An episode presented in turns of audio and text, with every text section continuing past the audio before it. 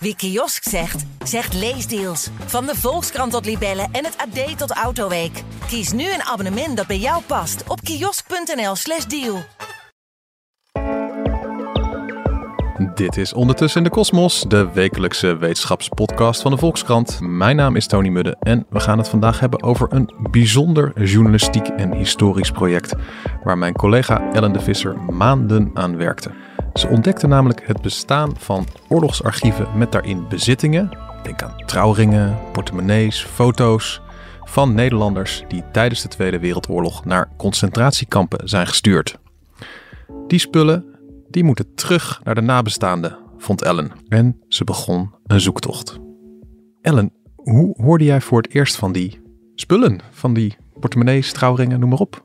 Uh, ja, uh, ik schrijf vaker voor de Volkskrant over de Tweede Wereldoorlog. En als je dat doet, kom je altijd in het Adelsarchief uit, in Bad Adelsen. Dat is het grootste archief over nazi-gevangenen ter wereld. Ik ben mm. daar geweest. Dat is een indrukwekkende loods met 26 kilometer aan documenten over 17,5 miljoen nazi-gevangenen uit 26 kilometer aan documenten. Het is ongelooflijk. Dus je staat daar en je weet niet waar je moet kijken.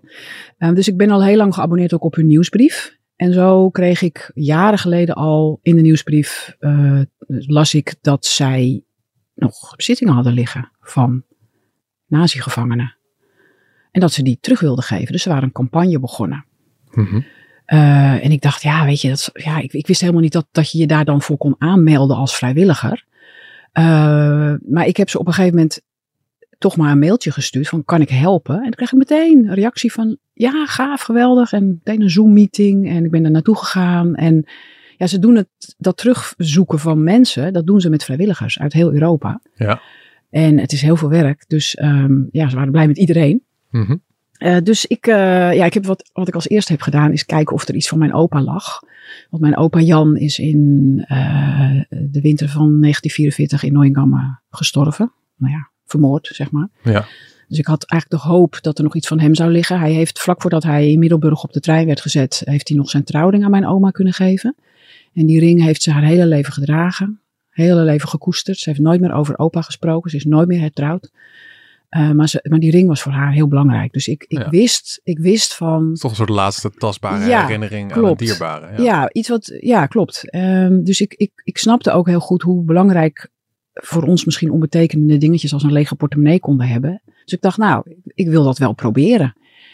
En tot mijn stomme verbazing kwam ik er toen ook nog achter dat er in een Nederlands archief, namelijk het archief van uh, Nationaal Monument Kamp Amersfoort, ook nog spullen liggen, lagen. Mm -hmm. En dat kwam ik achter door een stuk van mezelf. Ik heb hem hier voor me. Rode ja. Kruis stopt met bezit kampdoden. Stuk uit 1996. Toen hadden ze op het ministerie van Sociale Zaken opeens een kist ontdekt. En daar zaten nog spullen in van nazi-gevangenen. Die waren ja. na de oorlog teruggestuurd naar Nederland. Dus ze hadden hun best gedaan om mensen te vinden. En dat was niet in alle gevallen gelukt. En toen was die kist boven water gekomen. Toen hebben ze nog weer een zoekronde gedaan. Dus ik dacht, oké, hebben ze iedereen gevonden? Wat is er met de rest gebeurd? Ik ben gaan bellen en gaan zoeken. En toen bleken er dus in kamp Amersfoort, in het archief, nog twee kleine doosjes met spulletjes te staan van wie ze de nabestaanden niet hadden kunnen vinden. En heb je nou heb je iets van je eigen opa gevonden? Nee, ook, niet? nee, nee, nee, Die niet. Nee, okay. ik denk dat opa waarschijnlijk een donkerbruine portemonnee bij zich had. Toen hij op de trein werd gezet mm -hmm. in uh, oktober 44. En daar zijn er nog honderden van. En die zijn allemaal leeg. En er zit niks in. En daar kan je helemaal niks mee. Nee. Maar in, in, Amersfoort zeiden ze, en dat vond ik wel heel bijzonder. Kom maar langs. Net zoals in Duitsland. Mm -hmm. En uh, ik kwam daar in maart uh, vorig jaar. En toen stonden daar twee dozen met enveloppen. En toen zeiden ze, nou, teken een contract. Neem de dozen maar mee. Ga maar zoeken. Als je nog iemand vindt, iedereen die we nog vinden, is meegenomen. We hebben alles geprobeerd. Ga maar zoeken. Ik vond dat echt heel gaaf, weet je. Dat ze mij het vertrouwen gaven om met die spullen aan de slag te gaan. Ja, dus ik heb onmiddellijk thuis in de kluis gegaan. Ja, want hoe is dat, die spullen? Wat, wat? Nou ja, in Adelsen heb ik ze ook gezien. Ja, weet je, het is echt fascinerend. Je, je, je, je, je, je hebt de geschiedenis in je handen. Trouwring, identiteitsbewijzen, portemonnees. De, het idee dat die mannen, want het waren bijna allemaal mannen, die spullen bij zich hadden toen ze op de trein werden gezet en in het concentratiekamp aankwamen. En het waren allemaal jonge mannen. Ik stel mij voor, mijn opa bijvoorbeeld, um, die was nooit de provincie uit geweest. Hè? Mm -hmm. Ze waren natuurlijk niet zo bereisd vroeger als, als, dat, uh, als dat ze nu zijn. Dus die komt in een wildvreemde wereld terecht. En dan heb je nog een foto bij je van je geliefde. Of je hebt nog je trouwring. Of je hebt nog een sleutel. Heel veel vluchtelingen die naar Nederland komen hebben de sleutel van hun eigen huis bij zich. Want dat is wat hen aan, aan thuis herinnert. En Ja. dat wordt je allemaal afgepakt. Ja. Het wordt je afgepakt en daarna wordt je kopkuil geschoren. Je krijgt een kamppak. Maar die, die spullen die je nog vast kan houden. Dat maakt, dat is de ontmenseling natuurlijk eh, ten top. Ehm, dus ja, en dan zie je daar die spullen. Er zat ook een liefdesbrief tussen. Mhm. Van een, ja, liefste Paul. Hier mijn eerste brief. Je moet je over mij heus geen zorgen maken. Maar ik heb me zo ongerust gemaakt toen ik je niet van zag verschijnen die maandag. Dat zijn de eerste zinnen van de liefdesbrief. Ja. En die man die is naar het concentratiekamp gestuurd. En dat is wederom Nooienkamp hebben we het over. Ja, we hebben het. ehm, ja, nou, die spullen werden eigenlijk. Kijk, in Auschwitz en Sobibor, dat waren vernietigingskampen. Daar werden de spullen van de Joodse mensen gewoon afgepakt, eh, verkocht, gebruikt. Maar in heel veel andere kampen, waar politiek gevangenen zaten, daar werden. Ja, dat klinkt heel stom, maar die mijn gevangenen kwamen binnen. En dan was er een effectenkammer, een effectenkamer. En dan werden die spulletjes gewoon afgepakt. En die werden gewoon per persoon geregistreerd.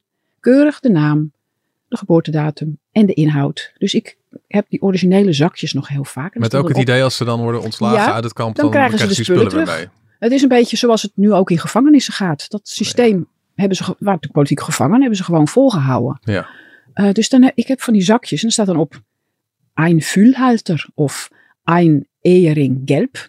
Gewoon alles keurig zo. En dan de datum erbij en de naam. En dat werd allemaal bewaard. Dus, dus maar spullen, was ook een kamp waar mensen toch zelden levend meer uitkwamen. Ehm, ja, maar ja.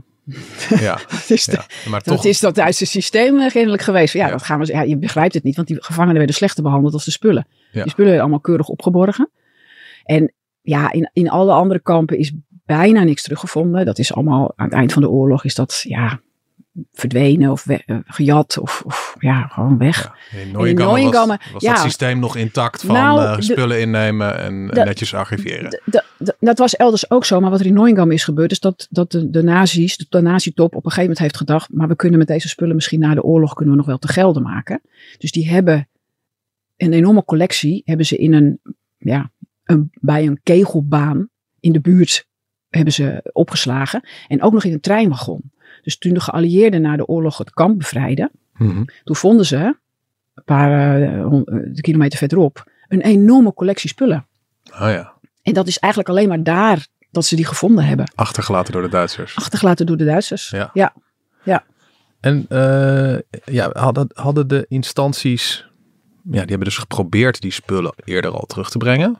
Maar Ja. dat, Ja, is ook wel gelukt, hoor. Oh, dat lukt. Dat Ja, lukt ja, nou ja, weet je, die geallieerden waren het hele, nou ja, slechte pogingen? Ehm, nou, wat die geallieerden hebben gedaan. Kijk, ik heb, dus voor de luisteraar niet, maar dit zijn van die lijsten. eh, die heb ik hier. Die Ja. hebben na de, na de oorlog zijn ze, hebben ze van al die spullen zijn ze op gaan tikken. Dus Ja, er staat de precies. Ik zie nu een lijst met Ja. allemaal ja, Ja, in het Engels. eh, namen en Nationaliteit, naam, ja, geboortedatum. En dan staat hier in het Engels wat er in de zakjes zat. ja, en dan staat er heeft iemand met een rode pen heeft er een Ja, vinkje voor gezet. Vinkje voorgezet. Waarschijnlijk van ik heb iemand gevonden naar wie die spullen moeten. Nou, Nee? zo ging het niet. Die geallieerden gingen niet zelf op zoek naar, want dat waren mensen uit heel Europa. Ja, Dat konden zij niet doen. Het enige wat ze hebben gedaan, en ze hebben iets van duizend van die lijsten gemaakt, dus, het, je, dus je snapt om hoeveel spullen het ging. mhm. Dat hebben ze gedaan en vervolgens hebben ze gekeken, oké, wat zijn de Nederlanders? Dat gaat naar Nederland. Wat zijn de Belgen? Dat gaat naar België. Dus ehm, in Nederland is ook in 1950 zijn twee kisten en twee grote zakken met envelopjes of losse spullen aangekomen op het ministerie van Sociale Zaken, denk ik. Mhm. En toen zijn ze in Nederland gaan, zijn ze gaan verspreiden. Ja. Maar ja, je ziet hier al, er staat op dat lijstje dat ik je geef een Nederlander tussen. Martinus Sutherland. En daar is geen nationaliteit ingevuld. Oh, ja. En ook zijn voornaam klopt niet. Oké, wat deden ze met die spullen? Die gingen allemaal naar het Adelsarchief. Mhm. Een archief in Midden-Duitsland en daar kwam alles binnen. Dus alles wat ze niet, niet thuis konden brengen, dat ging daarheen. En hoe, hoeveel spullen hebben we het over die eigenlijk dan nog geen eigenaar hebben? Of nog geen Eh, in nabestaanden? Adelse la- lagen toen ik er kwam, Mhm. vorig jaar nog 2500 enveloppen.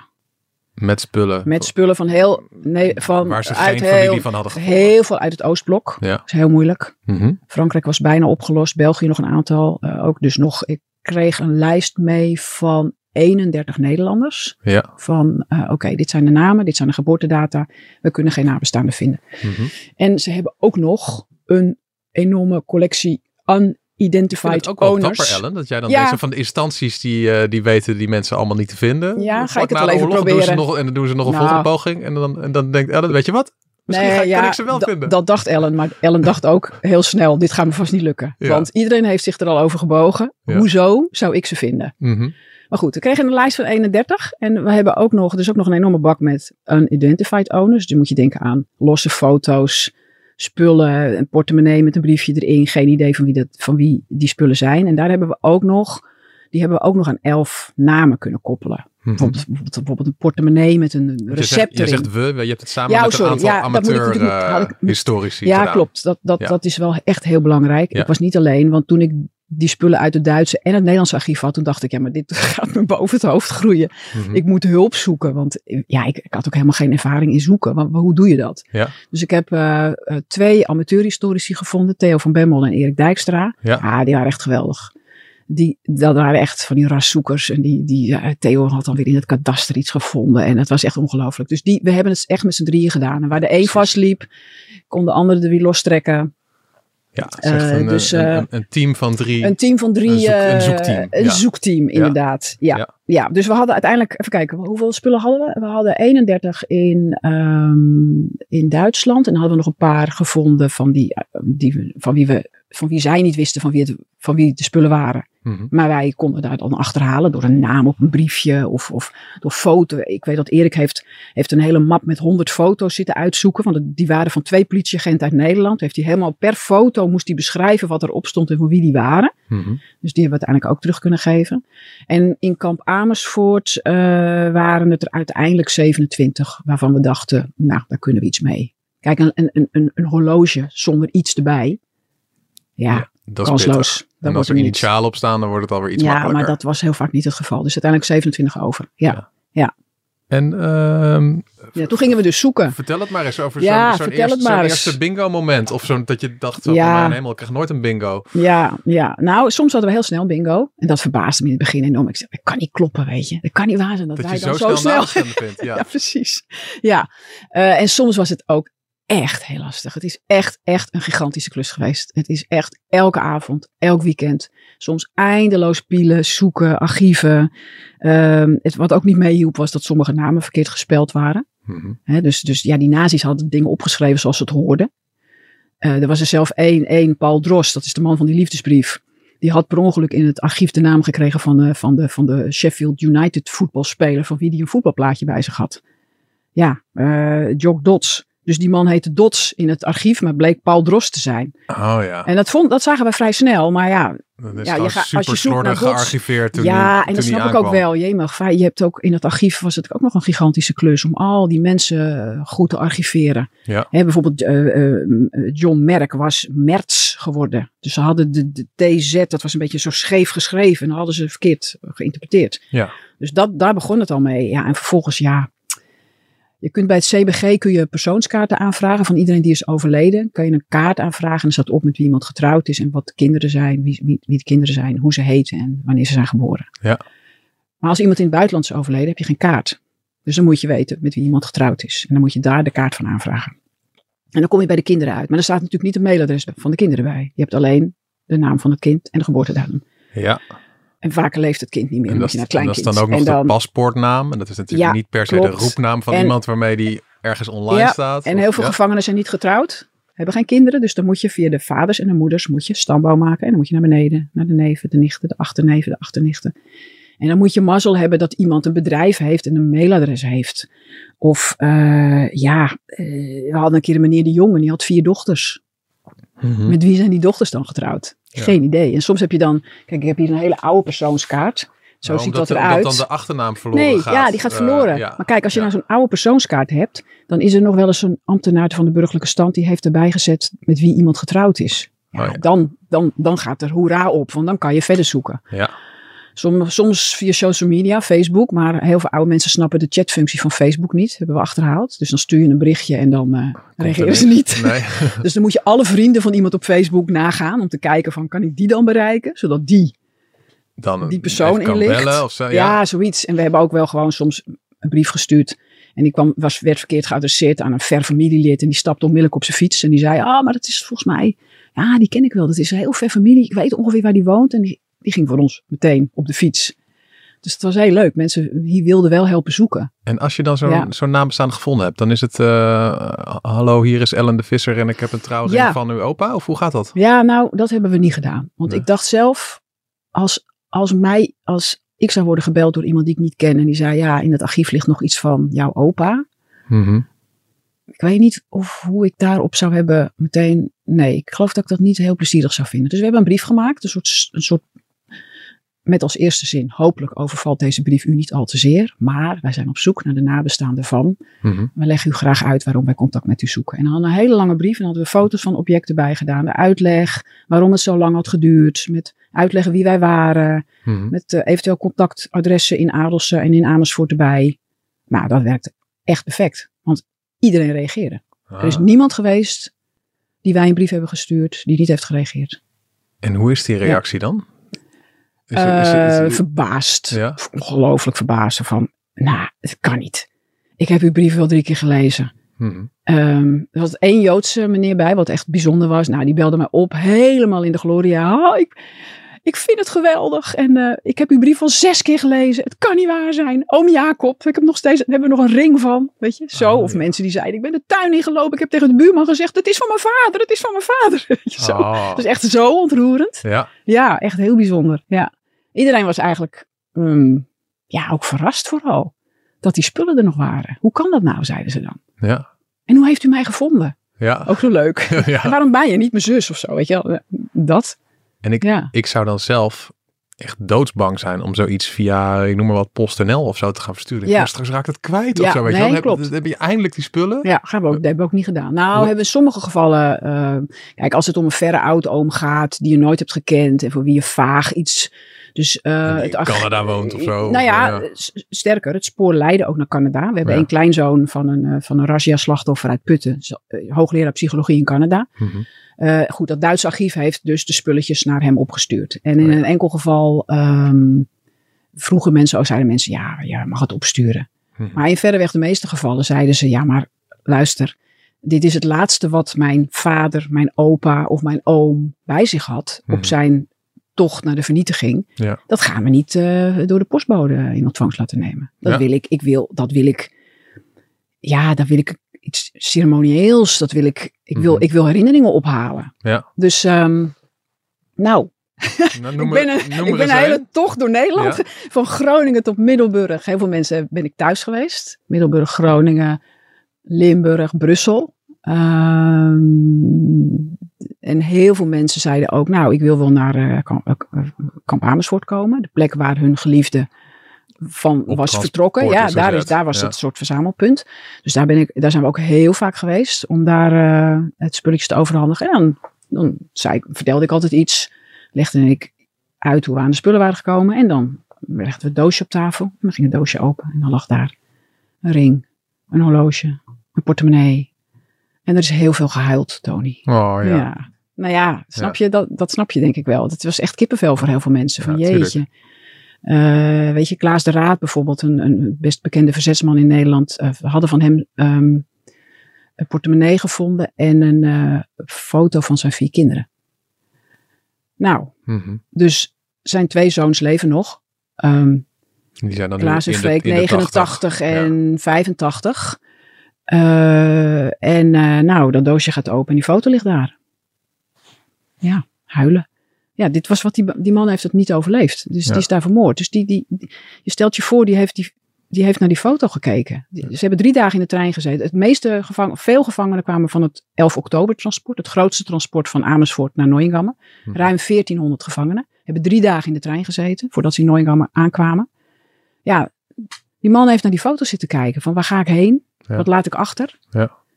En dat realiseert zo'n zoon zich 80 jaar na dato. Dus die begint te huilen. Ja, dat begrijp ik wel. Tuurlijk, ja. Ja, en, en mensen zeiden eh, heel vaak van ik heb de hele nacht niet geslapen voordat ik hier naartoe moest komen.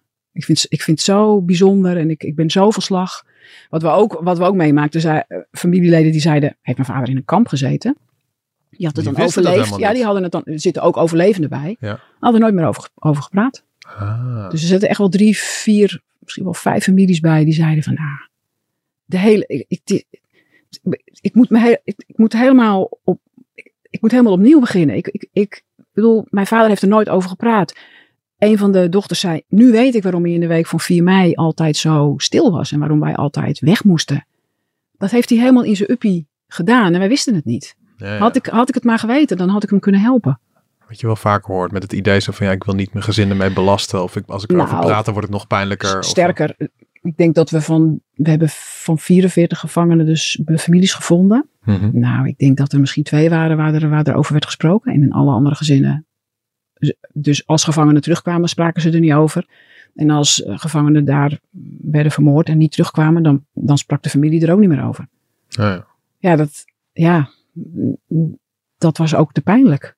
Om er, en je had ook geen woorden om te beschrijven wat je had meegemaakt. En, en voor, voor een vrouw die achterbleef, ja, die moest door. Dus dan had je denk ik het idee, ik ga dat begraven. Ik maak er, maar bouw er een muurtje omheen. Je had ook dus, en nog, nog zo'n verhaal gevonden hè? van iemand waarvan dan de hele familiegeschiedenis ineens uh, ja, dat was zo op zijn kop kwam te staan. Dat was zo bijzonder. Johannes van de Kraan, een dwangarbeider, uh, gedeporteerd naar Nooiengammen, was uh, ondergedoken, verraden, opgepakt. Nooiengammen. En die familie had nooit bericht gekregen. Die was eigenlijk nog steeds vermist in hun ogen. Mm -hmm. En voordat ik de familie ging benaderen, dacht ik, ik moet wel even kijken, waar ligt Johannes? Is hij, ligt hij ergens? Weten we iets van hem? Dus ik ontdek, Johannes is na de bevrijding overleden in een Brits ziekenhuis. Dus zo ziek dat hij, nou ja, heeft de bevrijding nog gehaald, maar was nou ja, te verzwakt. Te ja. verzwakt. Hij is, hij is daar aanvankelijk begraven en hij is herbegraven op de erebegraafplaats in Loenen. Dus Mhm. ik mail de nicht mijn bevindingen. Ze zegt, Loenen? Nee, nee joh, oom Johannes, ja nee, die, die, die is verdwenen, dat weten we niet. Ik zei, nee, maar hij ligt in Loenen. Ik heb wel zes keer gecontroleerd. Ik denk, dat kan toch niet waar zijn? Dat, ik, ik zal toch niet fout zitten? Nou, op de Oorlogsgravenstichting heeft inmiddels een dossiers online staan, dus dan kun je kijken. Mhm. Dus ik mail haar dat dossier. Ah, ze zegt, het is niet te geloven. Dat is het handschrift van mijn opa. Er is een uitnodiging voor de herbegrafenis in Loenen. Wie komen er? Ja, En wat staat eronder? Er komt alleen de vader. Dus die man, de vader van Johannes, is alleen naar de herbegrafenis van zijn zoon gegaan. heeft het niet tegen zijn gezin niet gezegd. gezegd tegen zijn vrouw, Ja. niet tegen zijn kinderen. En ze zei, ja, opa ging inderdaad wel eens met de Solex vanuit Rijswijk, waar wij wonen, naar Loenen. En wij wisten nooit waarom. En nou weten we het. Hij heeft daar helemaal in zijn eentje aan het graf van zijn zoon gestaan. Ja. Hij heeft gedacht dat hij ons daarmee spaarde. Dus we zijn samen naar Loenen gegaan. Nicht Maria en ik. Ja, Ze had een hele grote bos witte rozen mee. En ze was heel geëmotioneerd. Ze raakte de steen aan en ze zei, ja, dat had ik mijn moeder nou zo gegund. Het was, het was haar lievelingsbroertje. En ze heeft geen afscheid van hem kunnen nemen. En mijn opa heeft vermoedelijk gedacht dat dit het beste was. Maar hij heeft het ook alleen gedragen. ja, is zo hartverscheurend. Ja, ja. dus, dus we hadden, wat hadden we van hem? Een, een, een soort werkvergunning en een lege portemonnee. Dus dan heb je twee spulletjes en dan komt dit verhaal erachter weg. Dat had je toch aan het begin niet kunnen bedenken. Ach, toen nee. je begon met Nee, zo van, nee. hé, hey, De er, er liggen hier spulletjes die, die geen, nog geen eigenaar hebben. Nee, en zo heeft elk, elk, natuurlijk hebben al die spullen hebben eh, toch, daar komen allemaal, hè, eh, wat een schatkamer aan herinneringen schreef eh, een Australisch kleinzoon aan ons. eh, Mhm. Er kom- komen achter al die spullen zitten dit soort herinneringen, maar dit was wel echt een hele bijzondere. Ja. Ja, En hoe, Ja. hoeveel, van, nou, van van al die, die, die, die spullen waar je mee begon, hoeveel procent van die cold cases heb je nu eh, Cold cases, ja. samen met eh, de, de collega amateurhistorici opgelost? En hoeveel procent is nog eh, cold Hoeveel- case? ja, even denken. We hadden, we hebben nog van 25 gevangenen nog spullen niet gevonden van de 69. Vind ik best goed eigenlijk. in Oké, dus meer dan de helft Twee- heb je, nabestaanden derde, weten te vinden. Ja, En, ja. en bij de, de, degene Ja. die, nou, waar dan nog geen nabestaanden van zijn gevonden, Ja. is dat eh, jammer, maar helaas, we hebben alles geprobeerd? Of Nee, nee, kunnen want we wij nog willen, een- wij willen iedereen nog een vinden. laatste list? De laatste list is de, is de, is de lezer Ja. en de luisteraar van deze podcast. Mhm. Dus we hebben een, eh, een overzicht gemaakt op onze website. Volkskrant.nl slash gestolen herinneringen. Ja, die herhaal ik even. Volkskrant.nl slash gestolen herinneringen. En we hebben echt, daar staan echt, ja, weet je, van trouwringen tot identiteitsbewijzen tot vulpennen en alles. We hebben van elf van die gevangenen echt de naam, de geboortedatum. We hebben van die gevangenen ook vaak al onderzoek gedaan. Alleen, we kunnen die nabestaanden niet vinden. Ja, het Ja. klinkt gek, maar niet iedereen is online. Ja, zeker iedereen zit op. Facebook. Nee, ja. precies. Dus Ja. sommige mensen laten gewoon geen sporen na. Of, of, of je zit verkeerd. Ehm, er zitten ook een aantal eh, spullen tussen waarvan we niet goed weten van wie ze waren. En wat ik echt een hele, wat ik echt ontzettend graag zou willen. Er zitten een paar trouwringen tussen. Met een inscriptie erin. En ik heb alles gedaan om, om te achterhalen van wie die trouwringen zijn. Die zijn na de oorlog in het verkeerde envelopje beland. Dus er zijn twee trouwringen in één envelopje gestopt. Dat is gewoon een Ah. beetje verrommeld. We weten dat het Neuengamme gevangenen zijn. Maar er staat 1 juni 41 B.B. Dus dat is de En we ring weten ook dat het Nederlanders zijn. Ja, want ze zaten ook in een zakje van een andere gevangene uit Nederland. Dus ik, dus we zien ze staan op de lijsten die de geallieerden hebben na- aangelegd na de oorlog. Dus we Mhm. weten dat ze uit Neuengamme komen. Ik bijna zeker dat het Nederlanders zijn. We hebben van alle Neuengamme, Nederlandse Neuengamme gevangenen, hebben we, kregen het bestand van alle gevangenen. Hebben we een onderzoeker gevraagd om daar alle echtgenotes bij te vinden. En toen hebben we alle initialen ah, nagelopen. Mhm. En we dachten twee keer dat we er waren. En de familie had de originele trouwring nog van de moeder. Ja. En het bleek niet te kloppen. Dus er is me echt veel aangelegen. Ik, wil heel, ik vind een trouwring zo bijzonder. Maar we hebben ook Annie. Annie was het vriendinnetje van eh, politieagent Simon Besseling. En hij Mhm. had haar foto bij zich toen hij op transport werd gezet. En hij had een heel lief gedichtje achterop gezet. Mijn liefste Annie. hè, tot spoedig wederziens. Mhm. En eh, de familie van eh, deze politieagent, aan wie we dit weekend de spullen hebben overgedragen, die zeggen: Wij willen zo graag weten wie Annie was, want het was zijn liefde. Ah, Annie was verkoopster bij de CNA in Den Haag. Haar vader had een kapsalon in Den Haag. Dus, en Annie moet ook een foto van Simon hebben gehad. Dus Simon had de foto van Annie en Annie had de foto van Simon. ja, zoals En, geliefden en, dat en zoals geliefden doen. dat Ja. doen. En dan denk ik, ja, zou het, het zou toch gaaf zijn als een lezer of een luisteraar zegt: Oh, maar ik weet wel wie Annie was. Annie was mijn tante of was misschien mijn moeder of mijn oma. En dan kunnen we, dan wil die familie van Simon wil heel graag weer afspreken. Ja, ja. de familie van Annie. Om die foto te geven.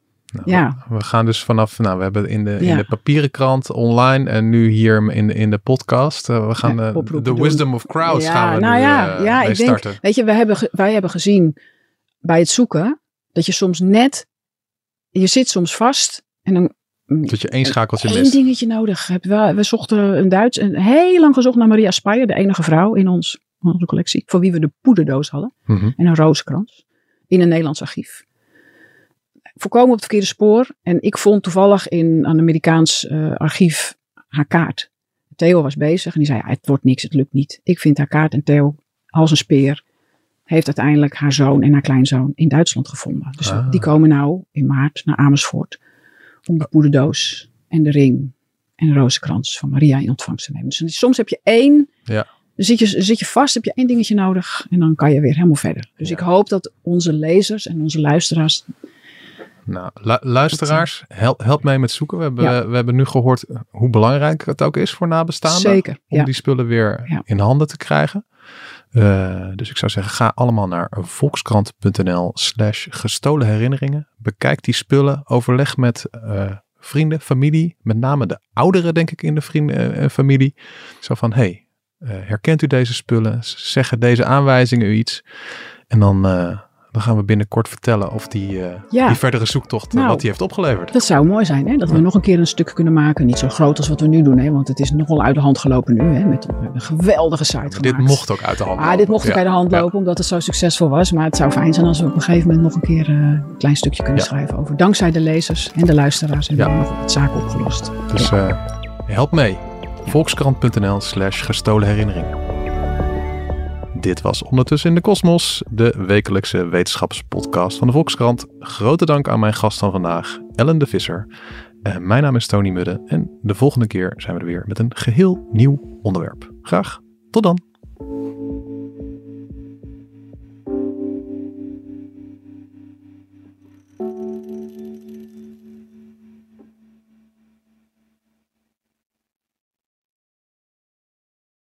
Wie kiosk zegt, zegt leesdeals. Van de Volkskrant tot Libellen en het AD tot Autoweek. Kies nu een abonnement dat bij jou past op kiosk.nl/slash deal.